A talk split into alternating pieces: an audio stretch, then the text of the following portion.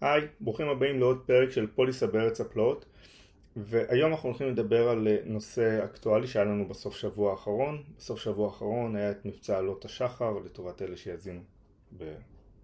לא, לא עכשיו מבצע של מדינת ישראל נגד הג'יהאד האסלאמי הפלסטיני ברצועת עזה. ויש כאן כמה דברים שכמובן קשורים לביטוח כמו שהבנתם הכל קשור. אה, וזה נושא ביטוח טרור. אה, ויש כאן שני אלמנטים ביטוח טרור או ביטוח מלחמה. והיום אני רוצה שנצלול לתוך המחילה ונדבר על זה. אה, והבאתי כאן שמונה נקודות על ביטוח טרור שחשוב שכבעלי עסקים תדעו, תכירו, תבינו רגע את השינויים שיש כאן, את ההפרדות אל מול, צריך, אל מול מי צריך לדבר אז נתחיל קודם כל, מה זה ביטוח טרור? ביטוח טרור הוא ביטוח שנועד לכסות נזקים שנגרמו למבוטח בגין אירוע טרור כהגדרה אה, כאמור בפוליסת חברת הביטוח, אוקיי?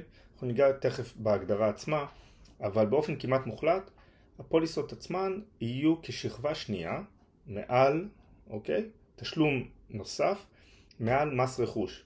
מס רכוש הוא פועל מכוח החוק, חוק מס רכוש וקרן הפיצויים והתקנות שיש תחתיו. נקודה שנייה, מה ההבדל בין ביטוח טרור לביטוח מלחמה? בסופו של דבר הכל עניין של הגדרה כאן.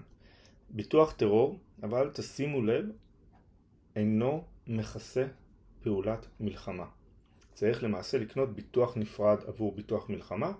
יש, במיוחד לעסקים גדולים מאוד, תוכלו למצוא ביטוח טרור ומלחמה, זאת אומרת באותו, באותה הפוליסה כיסוי לשני המצבים.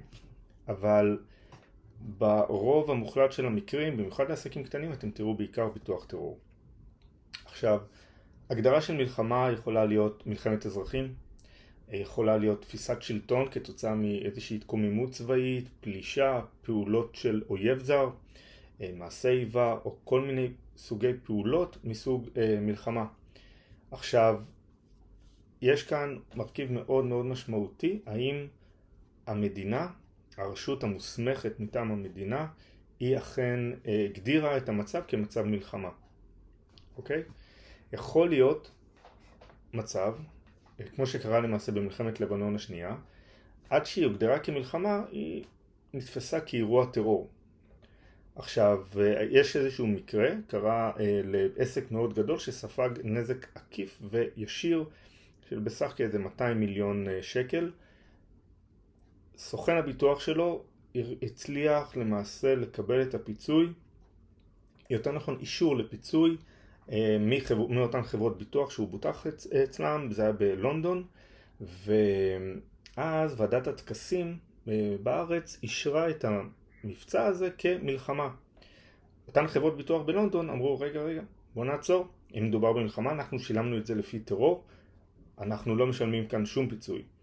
בסופו של דבר הובהר שמדובר בגורם לא, לא רשמי של המדינה שאישר את זה ותוכלו למצוא אפילו על זה כתבות אבל בסופו של דבר הם כן קיבלו את הכספים לפי פוליסת הטרור אבל שורה תחתונה חשוב מאוד לשים לב איזה סוג של ביטוח אנחנו קונים ולהיות מודעים לאופי הכיסוי לרוב אנחנו נראה כיסויי טרור, במיוחד לעסקים קטנים, כיסויי טרור שיכולים למעשה לבוא ולעזור לעסק בזמני, בזמנים קשים כאלה. עכשיו במסגרת פוליסת הטרור צריך לקבל אישור בכתב מהמשטרה או משרד הביטחון או איזשהו אישור של מנהל מס הרכוש שאכן, סליחה, או אפילו פסק דין של בית משפט שאכן דובר בפעולת טרור. נקודה שלישית, מה מכסה ביטוח הטרור? ביטוח הטרור מכסה את אותן פעולות טרור לפי הגדרת הפוליסה של חברת הביטוח. לפעמים יש חברות שמוסיפות מילה, יש כאלה שמורידות מילה, לכן חשוב להבין תחת אותה פוליסה של החברה, אה, חברת הביטוח, אותה פוליסה נרכשת, מהי ההגדרה. אה, אבל בשורה התחתונה לרוב מדובר בערך באותן הגדרות, אבל מאחר ומדובר בכיסוי שהוא יכול להיות בעייתי בעת הנזק, אז תשימו לב להגדרה הביטוחית של המקרה. אז באופן כללי אנחנו מדברים על פעולות חבלה, פעולות מזיקות לרכוש המבוטח. תזכרו, אנחנו צריכים כאן נזק פיזי אה, שבוצעו באלימות למטרות פוליטיות כלשהן, או איזושהי הפלת שלטון, או הפחדת הציבור, אה, וזה יכול להיות על ידי הרי בני אדם, אה, אם הם פועלים בשם או בקשר עם ארגון כלשהו. אז מה מכסה ביטוח טרור? מכסה אירוע פיזי כתוצאה מפעולת טרור. נקודה רביעית, סכום הביטוח בביטוח טרור. חברת הביטוח תבוא כאן ותשלם את ההפרש בין ערך הכינון של הרכוש המבוטח לבין הפיצוי שקיבל המבוטח על פי חוק מס רכוש. אוקיי? חברת הביטוח לא תשלם את הסכום שהיה מגיע ממס רכוש בכל מקרה. ויש לשים לב כאן שיש פוליסות שהערך שישולם הוא לפי ערך שוק, אוקיי? המשומש, ולא לפי ערך הכינון, כלומר לפי השווי שלו כחדש. יש מצבים של, אה, במיוחד בעסקים גדולים, שלפעמים ניתן לרכוש את הביטוח טרור מהשקל הראשון, בעסקים קטנים זה כמעט ולא נפוץ, אה, אבל הרוב המוחלט הוא שגם פה חברת הביטוח תרצה להישען על מס רכוש, כי זה ממזער את החשיפה שלה בעיקר, ובסופו של דבר תשכחו שחברת הביטוח יש לה כאן הסכמי ביטוח משנה, ובביטוח טרור זה אפילו כמו איזה רעידת אדמה, זה איזשהו נזק קצה שחברת הביטוח היא רוצה להיות בכמה שפחות חשיפה מול אותם נזקים כאלה. נקודה חמישית, העסק נפגע מפעולת טרור, אז ישלמו לנז... לעסק עבור הנזקים הפיזיים שנגרמו לו, אבל מה עם אותם רווחים שהוא הפסיד?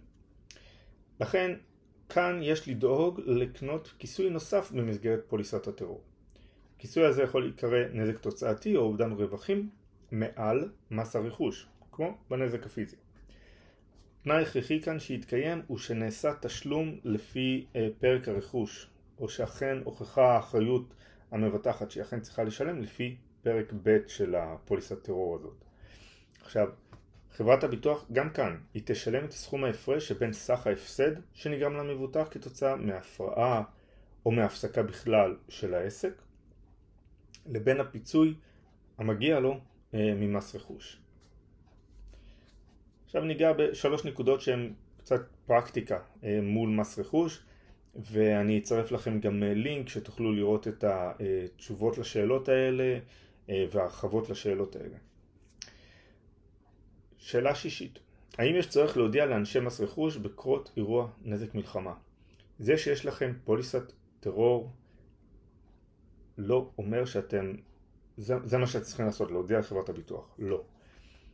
אתם, מס רכוש בעיקרון עומד בקשר עם כוחות הביטחון, בסמוך לזמן אירוע, אה, הוא מגיע למקום, עומדים את הנזקים, הם מצטרף אליהם בדרך כלל שמאים, הם מהנדסים, והם עוברים בין העסקים שנפגעו, בין המשרדים.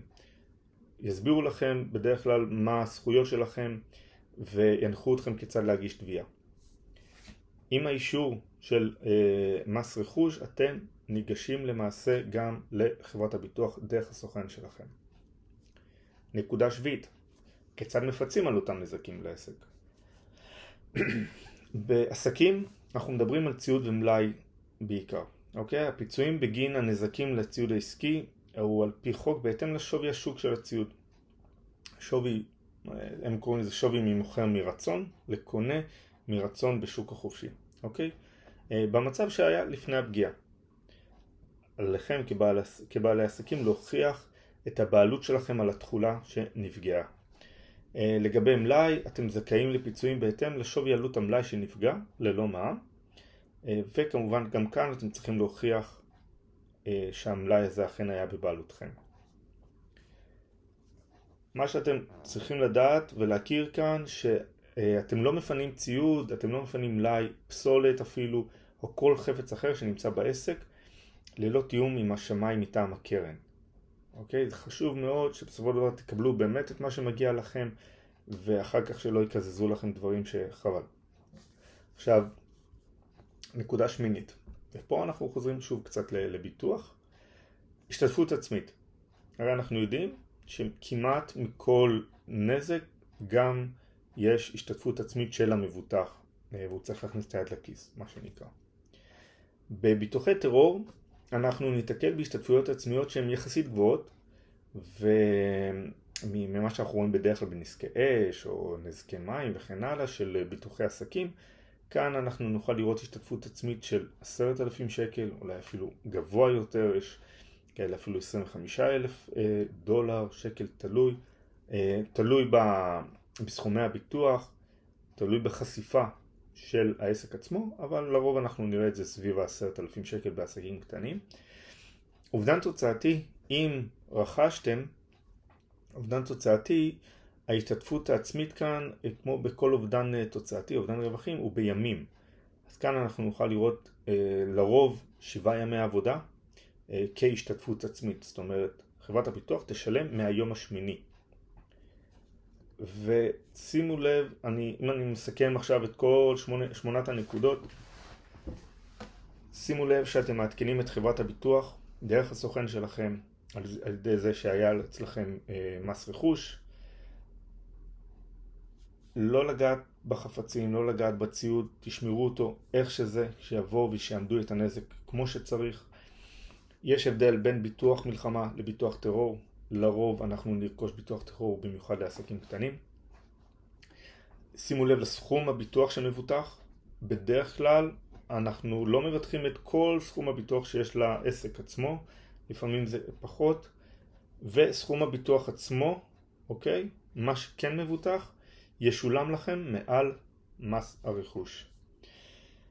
ועד כאן הפרק אה, על ביטוח הטרור. אה, אני אשמח שתמשיכו לעקוב אחריי ללינקדין, אינסטגרם, תעשו subscribe לפודקאסט בכל פלטפורמה שאתם שומעים, ספוטיפיי, אפל פודקאסט, גוגל, whatever. אני אשמח שתשאירו אה, הערות, יעזור מאוד לקדם את הפודקאסט וכמובן תפיצו בין חברים ושנדע ימים טובים יותר. תודה רבה. להתראות.